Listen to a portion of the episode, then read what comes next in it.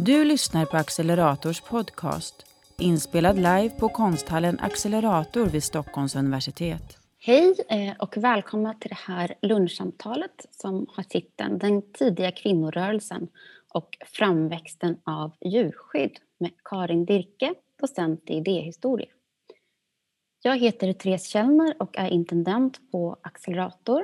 Det här samtalet arrangeras i samband med Accelerators eh, kommande grupputställning Experimentalfältet. Det är en utställning som vi gläds åt att äntligen snart öppna, eh, nämligen om två veckor, onsdag den eh, 10 mars, så återöppnar Accelerator. Och jag sitter just nu i utställningen och bakom mig här så kan man skymta ett nytt verk av Signe Johannesen. Först av allt så vill jag hälsa eh, varmt välkommen till eh, Karin. Karin är alltså idéhistoriker och arbetar på institutionen för kultur och estetik här på Stockholms universitet. Karins forskning rör sig framförallt inom Human Animal Studies och miljöhumaniora. Hennes primära fokus är alltså människans relation till djur av olika slag. Från insekter till hundar och hon har fokuserat på Eh, 1700, 1800 och 1900-tal i sitt arbete, men med fokus på 1800-talet. Karin har särskilt tittat på hur möten mellan människor och eh, andra arter beskrivs historiskt i press, fakta, text och skönlitteratur och har också skrivit om synen på varg och andra stora rovdjur och arbetar nu med frågor om jakt och dess meningsskapande processer i historien. Flera av verken i utställningen Experimentalfältet berör relationer och samspel mellan människa och andra arter. Och det här är alltså någonting som Karin har stor kunskap om hur det har sett ut historiskt. Samtalet är en del av Accelerators program Konst och forskning. Programmet innebär bland annat att vi i arbetet med våra utställningar låter konstnärer och forskare mötas utifrån gemensamma intressen under Accelerators arbete med experimentalfältet så har Karin bland annat träffat konstnärerna Åsa Alsén, Malin Arnell och Signe Johannesen som medverkar i den här utställningen. Det här samtalet kommer att eh, vara i eh, cirka 45 minuter långt och för er som följer samtalet live så finns det möjlighet att ställa frågor eh, genom att skriva i kommentars fältet på livestreamen eh, på Facebook eh, så kommer jag kolla av där strax innan vi avslutar. Ehm, samtalet kommer sedan finnas tillgängligt i Accelerators eh, kanaler på Youtube och även som podcast.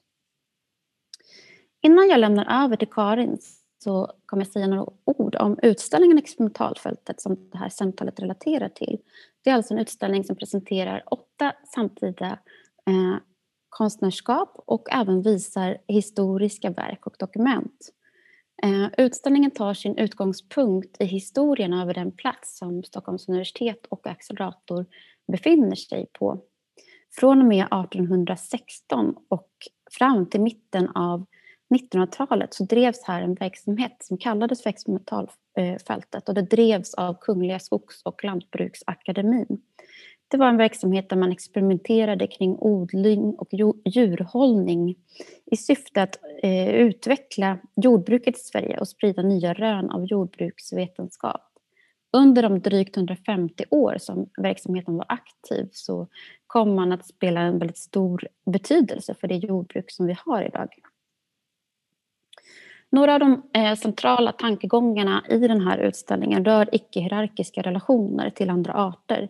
Det här relaterandet eller omrelaterandet till det som är mer än mänskligt på jorden är en brinnande fråga i och med klimatkrisen och någonting som har aktualiserats än mer eh, då, då vi är i en pandemi på grund av hur människor har förhållit sig till och hanterat djur. Djurskyddsfrågor har kommit nytt fokus eh, nu då smittspridningen tog fart på matmarknader med levande djur. Och det har fått en betydelse i en nordisk-svensk kontext då det, då det har skett stora covidutbrott på minkfarmar som har resulterat i att regeringen eh, nu förbjuder minkfarmar att föda upp nya kullar under 2021. Idag ska vi gå tillbaka i historien och beröra några milstolpar i skiften av människors synsätt på, Eh, på djur och hantering av djur. Karin kommer ge en presentation, presentation över hur den tidiga rörelsen för att skydda djur mot lidande orsakad av oss människor såg ut eh, vid förra sekelskiftet. Och framväxten av djurskydd och engagemang för vissa djurs rättigheter var skeenden som var samtida med experimentalfältet. Vilket är intressant att tänka på eller uppmärksamma i relation till den här verksamhet som, som drevs på experimentalfältet. För här så fanns det en, en, stor så kallad försöksverksamhet för att utveckla djurhållningen inom jordbruket. Man hade framförallt kor och får. Och de undersökningarna man gjorde här handlade om eh, bland annat att ta fram nya raser och testa olika foder för att se hur man kunde få ut högst slaktvikt och eh, mest mjölkavkastning. Det var alltså undersökningar kring hur djur mest och bäst kan, eh, kunde tjäna människors syften och en eh, vagga kan man säga till det effektiviserade och storskaliga jordbruk som vi har idag. Eh, ja, med det så skulle jag vilja ge ordet till Karin för att berätta om den rörelse kring förra sekelskiftet som drevs av helt andra eh, motiv gentemot djur än den som eh, och gick på experimentalfältet. Varsågod Karin. Mm. Tack så mycket Therese. Eh, och eh, tack också för inbjudan att få komma hit och prata om ett favoritämne. Eh, och jag har ju också haft eh, privilegiet att få se den här utställningen IRL. Eh, så det är ju någonting som eh, också ligger till grund för det jag kommer att säga här idag. Eh, jag eh, ska dela min skärm. Här har vi Mary Wollstonecraft. Eh, och när hon 1792 publicerade sitt argument för kvinnors rätt, A Vindication of the Rights of Women, så följdes det snart av en motskrift, eh, den här, av Thomas Taylor. Och det är A Vindication of the Rights of Brutes. Taylor var brittisk översättare och filosof och han pekade i sin raljanta skrift på hur rättigheter urvattnas om de sprids till allt eh, större grupper. Hur löjligt vore det inte att utsträcka rättigheter till kvinnor för att då skulle man ju snart kunna kräva sånt också för djur, tänkte Taylor. Wollstonecraft och Taylor pekar från helt olika håll egentligen på ett samband mellan kvinnor och andra varelser som har det gemensamt att de har uteslutits från den snäva cirkel av vita privilegierade män som fullt ut åtnjuter de mänskliga rättigheterna. Under 1700-talet argumenterades det för universella rättigheter under paroller som frihet, jämlikhet och broderskap. Men under 1800-talet så blev det allt tydligare att de här rättigheterna enbart omfattade vissa. När djurskyddet föddes i England under den första halvan av 1800-talet så var det redan från början alltså en fråga som knöts till kvinnor. Dels så var det framför allt kvinnor som engagerade sig för saken och dels argumenterade de här kvinnorna explicit för förbättrade villkor för både djur och kvinnor. Djurskyddet i allmänhet kunde förknippas med sociala rörelser och de som engagerade sig i frågan var ofta inbegripna i alla slags filantropiska eh, verksamheter eh, och eh, engagerade sig mot slaveriet och sådana saker. Men den här starka kopplingen mellan just kvinnosak och djurskydd hamnade i en speciell del av djurskyddet, nämligen den så kallade antivivisektionismen. Eller enklare uttryckt då, kampen mot djurförsöken. Ordet vivisektion betyder bokstavligen att skära i det levande. Det kommer från latinets vivus, eh, som betyder levande och secare som betyder att skära. Och ursprungligen så betecknade det här ordet ett, eh, att i, i eh, experimentellt eller undervisande syfte göra dissektioner helt enkelt på levande djur. I 1800-talets debatt så kom det här begreppet att omfatta all, alla slags vetenskapliga experiment som inbegrep djur. Beteckningen vivisektion plockades ganska snabbt upp av djurskyddsrörelsen och säkert också i retoriskt och propagandistiskt syfte. Vivisektion hade en väldigt otäck klang och förde tankarna till dunkla laboratorier och svårt plågade varelser. Och det här ordet blev också väldigt snabbt etablerat i kulturdebatten. Det är inte en slump att August Strindberg till exempel betecknar en samling texter från slutet av 1880-talet just vivisektioner. I den så kallade vivisektionsdebatten som rasade under andra hälften av 1800-talet i Europa så ställdes modern vetenskap, som i det senare 1800-talet framför allt representerades av fysiologin, mot kvinnors och djurs rättigheter. Den här bastanta kvinnan var den som först började driva vivisektionsfrågan i Storbritannien. Hon heter Frances Power Cobb och var irländsk till börden, men hon blev ledande i den engelska kampen mot vivisektionen. Och hon var också en av de ledande i kampen för kvinnlig rösträtt. Vivisektionen ansågs vara ett brott mot djuren, men också mot kvinnorna. Man uppfattade att vivisektionen i förlängningen kunde medföra övergrepp också på kvinnor. Ofta så användes, inte minst i den brittiska eh, antivivisektionistiska litteraturen, våldtäkt som en metafor för medicinsk praktik på kvinnor. I centrum för den här diskussionen hamnade den omdiskuterade så kallade ovariotomioperationen, det vill säga eh, avlägsnandet av kvinnans äggstockar. Eh, och det blev en relativt vanlig och väldigt omdiskuterad operation under senare hälften av 1800-talet. Ovariotomin beskrevs av antivivisektionisterna som regelrätta människoförsök. Och det förklarades vara en, ett, en följd av att man inte i tid hade ingripit mot vivisektionen. Så antivivisektionisterna beskrev en direkt identifikation mellan kvinnor och djur. Bägge utnyttjades av männen för vetenskapliga syften.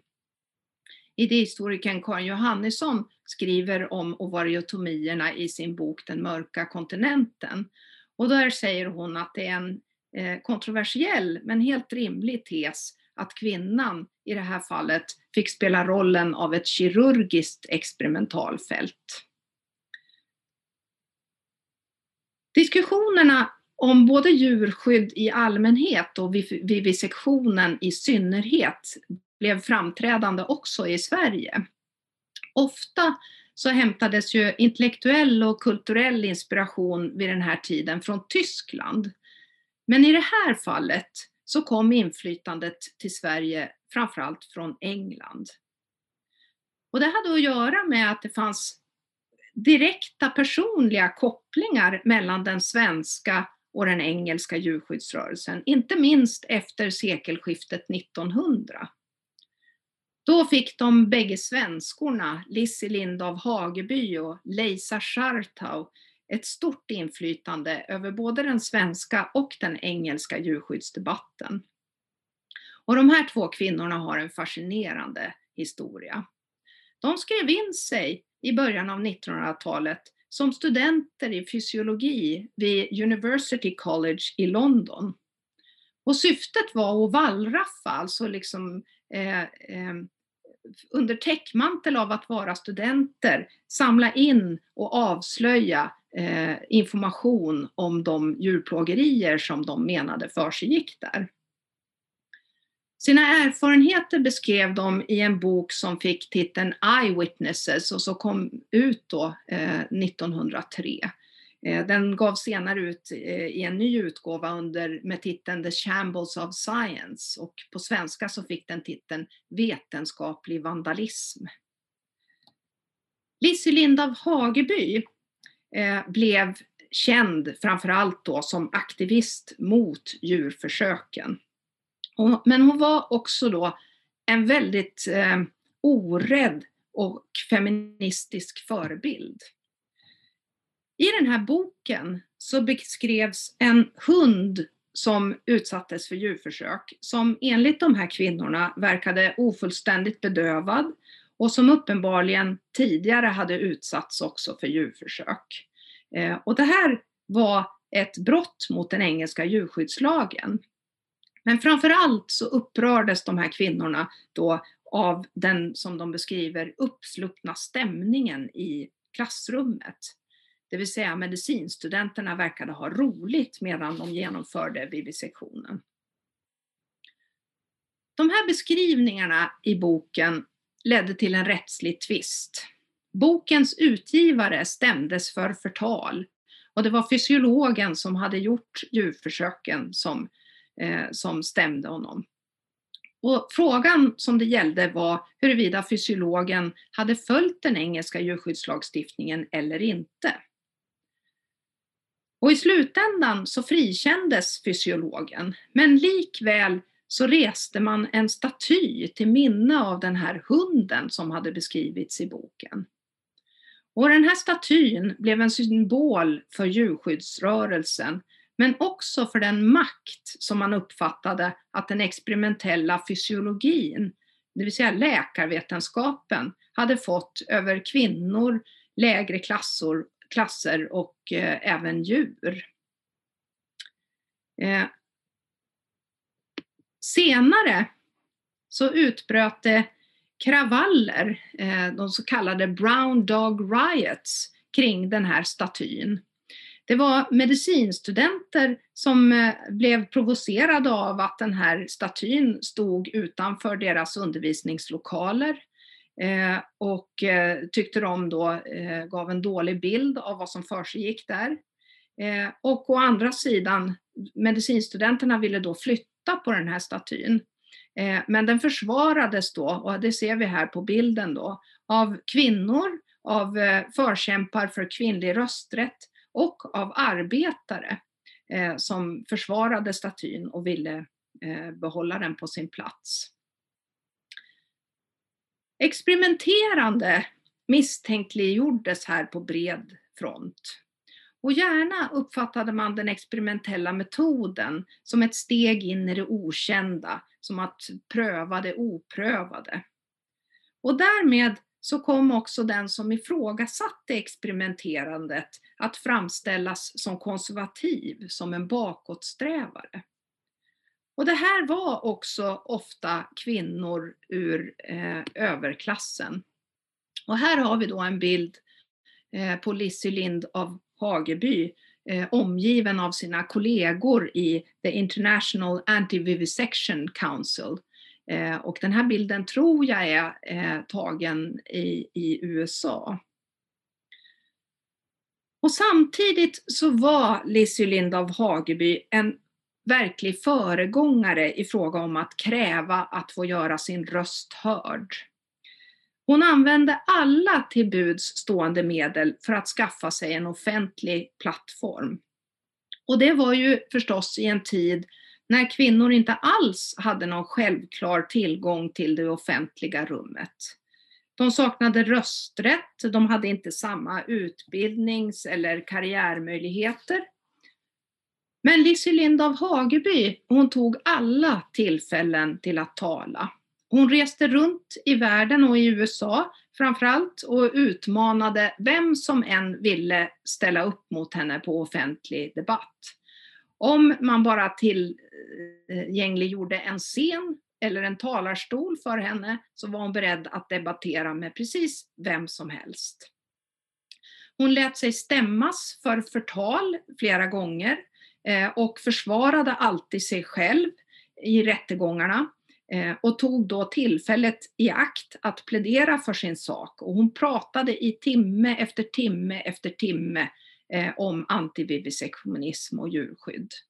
Eh, när hon väl fick en, ett utrymme att göra det. Antivivisektionisterna argumenterade mot den experimentella metoden, men inom andra delar av djurskyddsrörelsen så sågs tekniska innovationer som en förutsättning. Inom djurskyddsrörelsen uppstod en konflikt mellan de som ville invända mot djurförsöken och de som tyckte att djurskyddsrörelsen borde ägna sig åt annat. Och särskilt så gällde då det här intresset avlivande av djur. Djurvännerna ville förbättra alla sätt att eh, avliva djur, eh, men i synnerhet då slakten. Och den tidiga djurskyddsrörelsen bestod inte bara av kvinnor utan även av veterinärer. Och de hade ju också förstås ett intresse av att engagera sig för djurens väl och ve. Bortsett från att de säkert också var intresserade av djur så fanns det en strävan efter att professionalisera veterinäryrket. Eh, och det gjorde ju till exempel då att man skärpte inträdeskraven till utbildningen på 1870-talet. Eh, det krävdes från 1870-talets studentexamen för att komma in på utbildningen till, till veterinär. Och man ville gärna framhålla veterinärmedicinens vetenskaplighet. Veterinärerna var ju eh, verksamma mellan humanmedicinen som hade väldigt hög status vid den här tiden och lantbruksvetenskapen. Och veterinärerna arbetade ju gärna förebyggande och ville sprida information om ett riktigt sätt att behandla djur. Och djurskyddsföreningarna blev ju då ett bra sätt för veterinärerna att nå ut och att marknadsföra sin verksamhet. Och samtidigt ville de ju också då eh, framhålla sin vetenskaplighet. Och inom djurskyddsrörelsen så framhöll man då gärna hur modern teknik skulle kunna förbättra djurskyddet. Så djurvännerna prövade olika typer av slaktteknologi. De köpte in apparater och provslaktade med dem. Eh, och eh, tekniken utvecklades i syfte att, som man sa då, humanisera slakten. Den här frågan kom också att få en viss klasskaraktär därför att djurvännerna vände sig då gärna mot landsbygdens befolkning som beskrevs som mer efterblivna och ointresserade av djurskydd och sådär. De ville framställa sig själva som eh, det modernas förespråkare. Och djurvännerna oroade sig också för slaktarens moral. Att man tänkte sig att slaktaren eh, kommer att försämras av att hela tiden genomföra en slakt som inte är djurvänlig. Eh, slaktaren kunde förråas, tänkte man sig. Så därför utvecklade man en rad olika eh, apparater helt enkelt eh, för att eh, förbättra det här.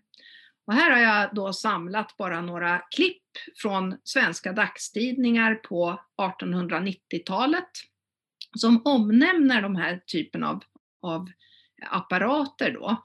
Vi har eh, Göteborgs djurskyddsförening som har skaffat eh, den tyska slaktapparaten Blixt eh, som man då till, till, tillgängliggör, eh, ställer ut den till fritt förfogande Eh, och sen har vi Nordiska djurskyddsföreningen som har konstruerat en slaktapparat som de säljer för 5 kronor stycket. Eh, som är en slags eh, slagbult då, som ska förbättra precisionen när man eh, klubbar eh, större djur som eh, kor eller, eller hästar eller så.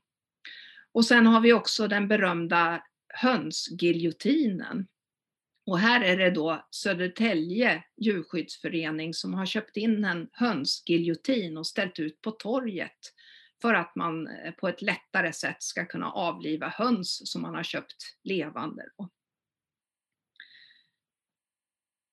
Inom religionsvetenskap och antropologi så pratar man ju ofta om döden som en slags övergångsrit.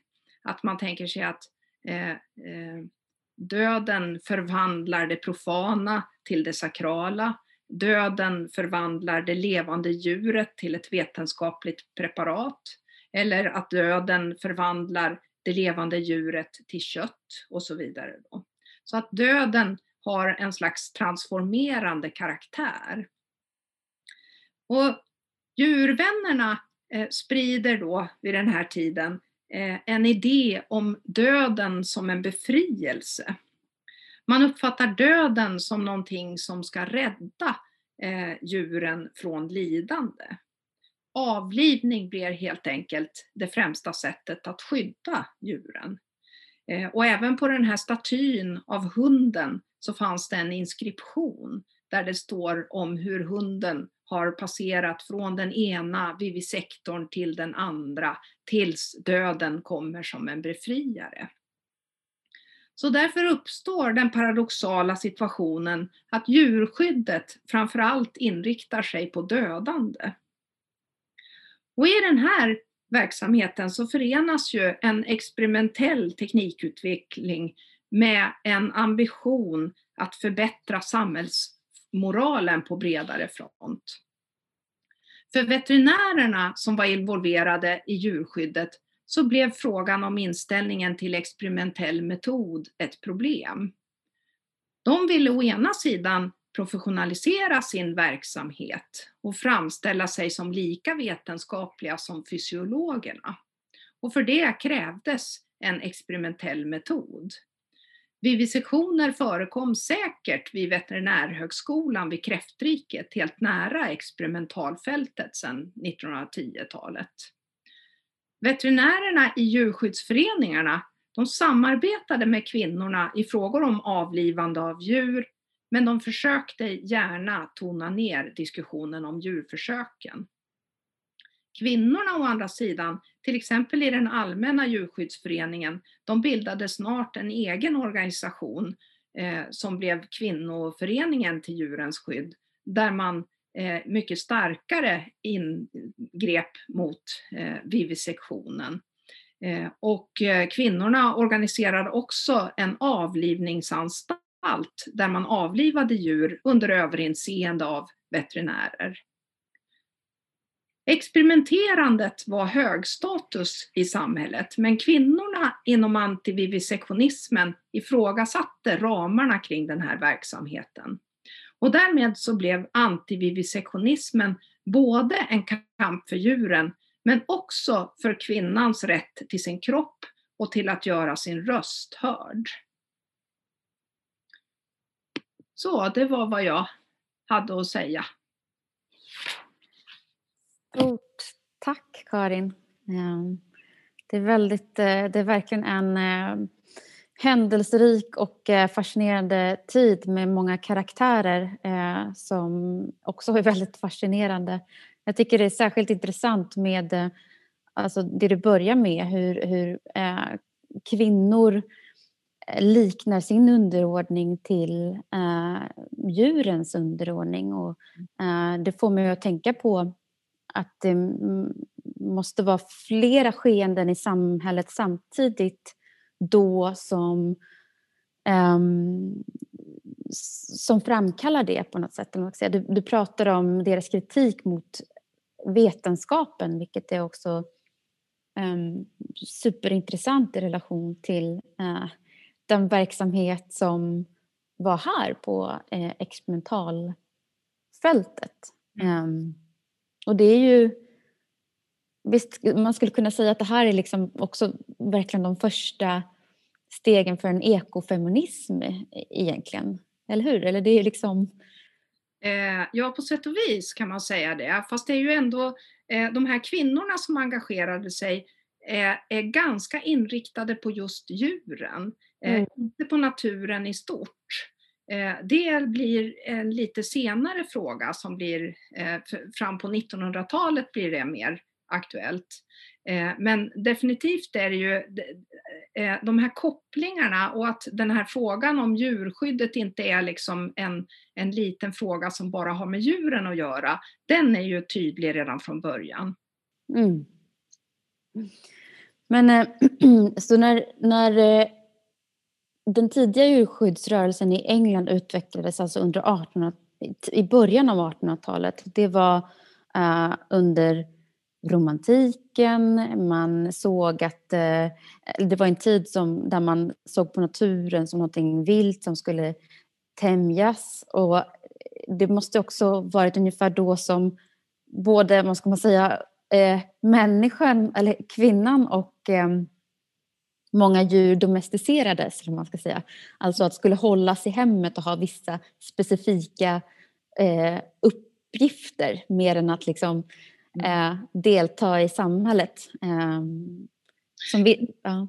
Jo men det är säkert så att eh, med den här eh, de här två sidorna av saken är ju hela tiden förknippade med varandra och kvinnorna som engagerar sig för djurskyddet är i princip 100% intresserade av att också förbättra villkoren för kvinnor. Eh, mm.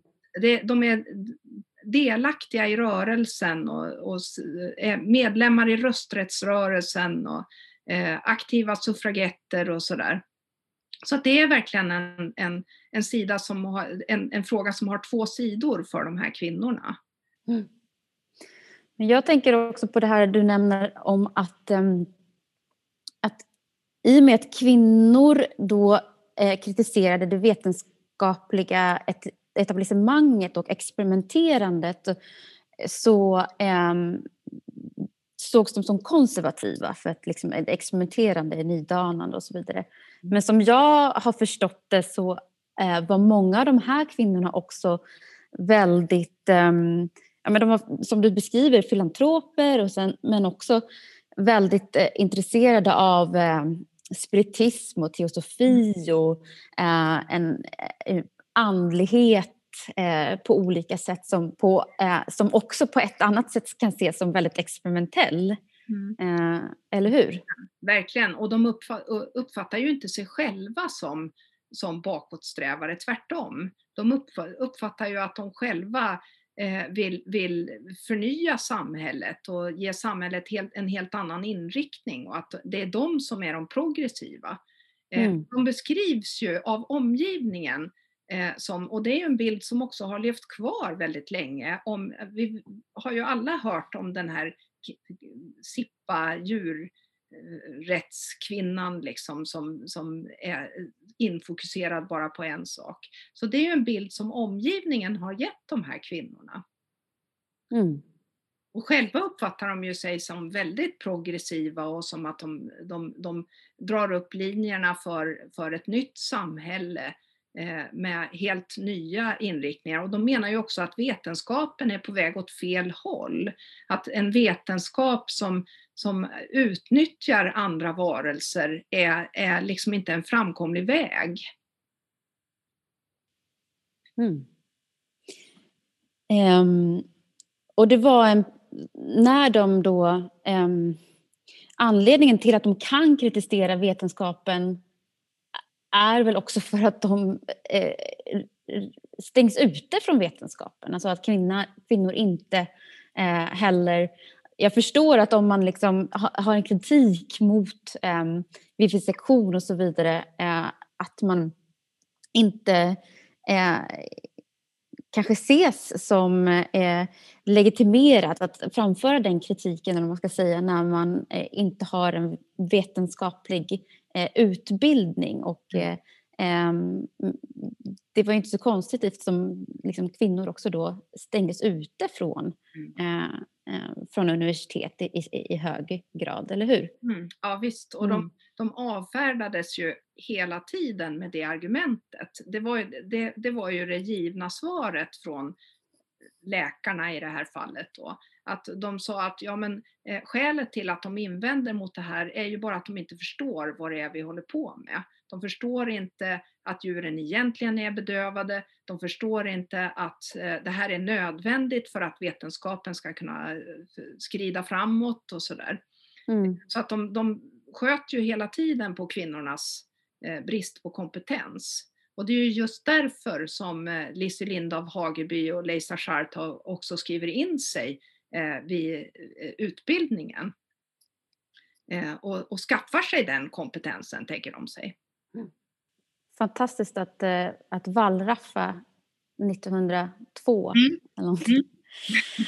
Jag tänker på den, jag drar en parallell mellan den utestängningen eh, och det som skedde i stort i samhället men också kan man säga kanske på experimentalfältet. Alltså att eh, med, medicinstudier, veterinärstudier eh, var väldigt högt rankat och då eh, någonting som helt ordnades av eh, män och strukturerades inom liksom en patriarkal struktur. Från att ha varit någonting som, eh, en, alltså att, att läkekonst i hög grad hade utövats av många kvinnor eh, innan liksom det blev ett, ett riktigt yrke, eller liksom, det blev professionaliserat. Mm. Eh, och där tänker jag att det finns en parallell eh, också i, med relationen till djur. Att eh, tidigare hade många kvinnor arbetat med djur inom jordbruket till hög eh, grad. Men att... Eh, eller jag förstår det som att det liksom är en, en tydlig professionalisering i många områden av samhället. Alltså, för det var ju det uttalade målet också med experimentalfältet. Att, att jordbruket skulle pro professionaliseras och bli en vetenskap. För innan hade det liksom inte varit en vetenskap. Och då särskilt inom djurhållning och att det då var um, många kvinnor som också utestängdes det, från det. När, framförallt kanske sen när, när um, det skulle, jordbruket skulle me mekaniseras mer. Att man liksom inte såg kvinnor som lämpliga att vara liksom, uh, att arbetsleda och så vidare. Att vara för, um, och där, det, där är intressant. Eh, I den här utställningen så eh, visar Åsa Elsén en film om eh, Elisabeth Tamm eh, och eh, hennes arbete för ehm, eh, att äga land på olika sätt. Men jag tänker på Fågelstagruppen och ehm, att det faktiskt fanns en ladugårdsutbildning eh, för kvinnor på eh, Fågelsta. Så då, alltså det finns flera exempel um, i en svensk kontext i en motsatt riktning. Att, liksom, att eh, eh, motsätta sig den här utestängningen. Mm. Ja, det är nog en, en konflikt som pågår eh, långt tillbaks. Alltså man, när man följer veterinärernas eh, professionaliseringsprocess via djurskyddsrörelsen och så, Eh, så kan man ju se att tidigt så är de drivande i det svenska djurskyddet, att de sitter i styrelsen för föreningar och allt sånt där. Eh, och det är deras fråga på något sätt. Eh, mm. De vill ju gärna då markera distans gentemot en mer folklig kunskap som säkert också uppbars mycket av kvinnor och så. Och, och sen så, så, får man intrycket av att de nästan tycker att det här är oproblematiskt och sen blir det en massa kvinnor medlemmar i föreningarna och börjar driva frågor som är mot vetenskapligheten enligt veterinärerna. Då blir det eh, ett jättesvårt problem för dem, hur mm. de ska hantera den här frågan. Så att det, det är någonting som följer liksom ända fram, eh, långt fram i tiden eh, med den här konflikten. Mm.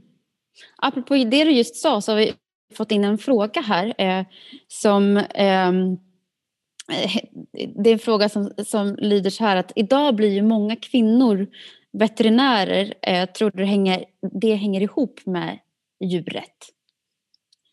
Och kanske traditionen av djur djurrättsrörelse? Ja, det, det tror jag faktiskt. Det är ju ingenting som jag vet eller har forskat om eller så, men det tror jag faktiskt att det gör. Eh, därför att eh, intresset för djur bland kvinnor har hela tiden varit, alltså de har dominerat djurskyddsrörelsen hela tiden. Eh, mm. i princip. Utom kanske möjligen i Sverige precis i början när det var veterinärerna. Men annars eh, så har kvinnorna Eh, i, inte bara i Sverige, men väldigt mycket så i Sverige, varit engagerade i den här frågan. Och det tror jag säkert också eh, får resultatet att det är många fler kvinnor som också vill bli veterinärer. Mm. Jag tänker också på um, det, alltså, det är ruskigt att höra om um, idag om försök på, på hunden. Eh, och um, jag tänker just på liksom hundens viktiga roll för den tidiga uh, djurskyddsrörelsen. Mm. för visst, visst, den måste väl ändå spela en en, en central roll eh, i och med att den liksom klev in i hemmet och blev en familjemedlem. Och, eh, kan man säga kanske att den, den har nästan fungerat som en trojansk häst. Att liksom, I och med att människan känslomässigt relaterar till hunden så har man också haft lättare att ta till sig andra arter kanske. Mm det är en jättebra bild med den trojanska hästen, hunden. Ja. Eh, det, ja, men det tror jag verkligen. Och hunden har ju betytt, och det här är ju då ett inflytande väldigt mycket från England och den engelska djurskyddsrörelsen. Eh, och Eh, engelsmännen har också alltid haft en särskild relation till sina hundar. Eh, vi har ju också från samma tid eh, en utveckling av ett stort intresse för hundavel eh, och kennelklubbar och sånt där som, som och man börjar hålla utställningar och intressera sig för detta.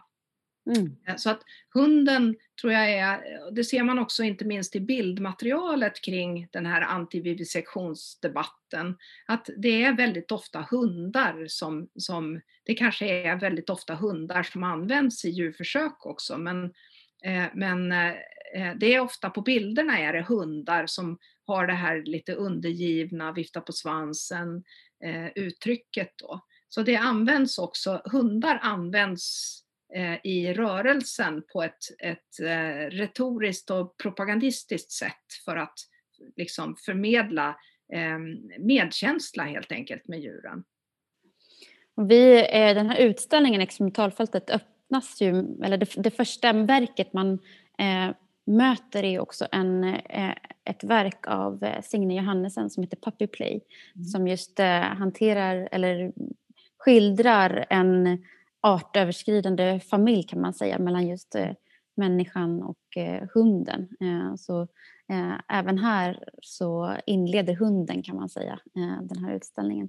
Men, och apropå utställningen, ehm, jag undrar om du har någonting, om det är något särskilt som ehm, du reagerar på eller har tänkt på kring ehm, ja, när du upplevde verken i utställningen? Jag tänkte på det här, eh, den här Puppy Play, just Signes verk. Eh, mm. För den pekar ju också i en annan inriktning som vi inte alls har pratat om här idag, men det är ju kopplingen mellan barn och djur.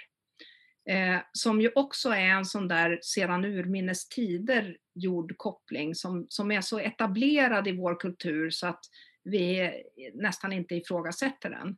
Men det är ju också en, en variant av samma tänkande där man placerar eh, liknande fack bredvid varann på något sätt. Att barn och djur är båda underordnade och hamnar då bredvid varandra och vi tycker oss se likheter mellan dem. Mm. De talar till varandra i barnlitteratur och, eh, allt vad det kan vara för någonting.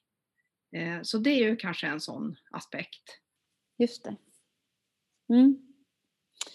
Eh, ja, vi har ett par minuter kvar så jag tänker att jag ställer en, ehm, en, en fråga som får bli den sista. Och då, ehm, då tänkte jag bara ta upp det här som jag var inne på inledningsvis. Att eh, ehm, det, I och med att vi är i en pandemi så är det mycket som har ställt på sin spets och liksom fokus har kommit mycket på eh, hur vi hanterar djur och, och så vidare. Att eh, Ehm, ja, men att nu minkuppfödningen ehm, stoppas i, i Sverige.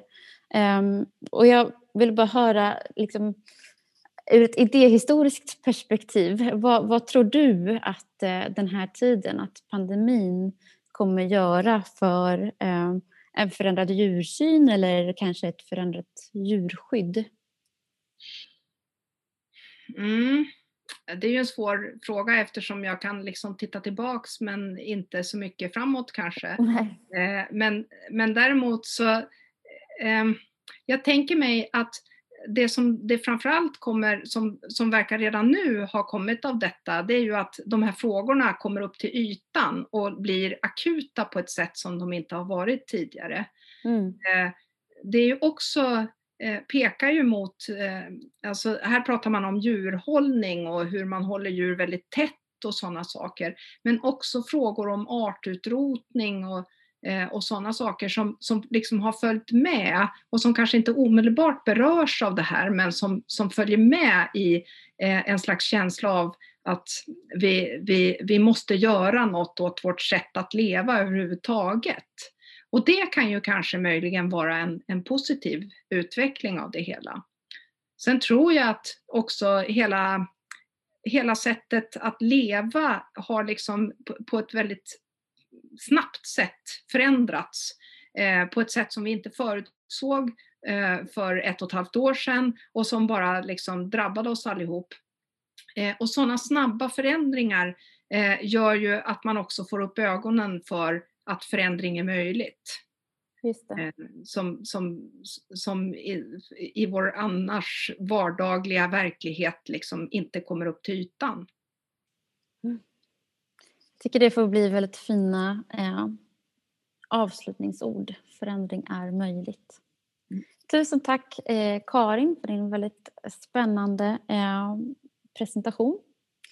Eh, och eh, tack till alla er som har eh, lyssnat. Jag vill avsluta med att önska varmt välkommen till Accelerator och utställningen Experimentalfältet, alltså från och med onsdag den 10 mars All info om öppettider och besök hittar ni på Accelerators webb, acceleratorsu.art. Tack så mycket! Tack! Du har lyssnat på en podcast från Accelerator inspelad live på konsthallen Accelerator vid Stockholms universitet. För att ta del av vårt program, prenumerera på vår podcast och besök Accelerators hemsida acceleratorsu.art där du även kan prenumerera på vårt nyhetsbrev.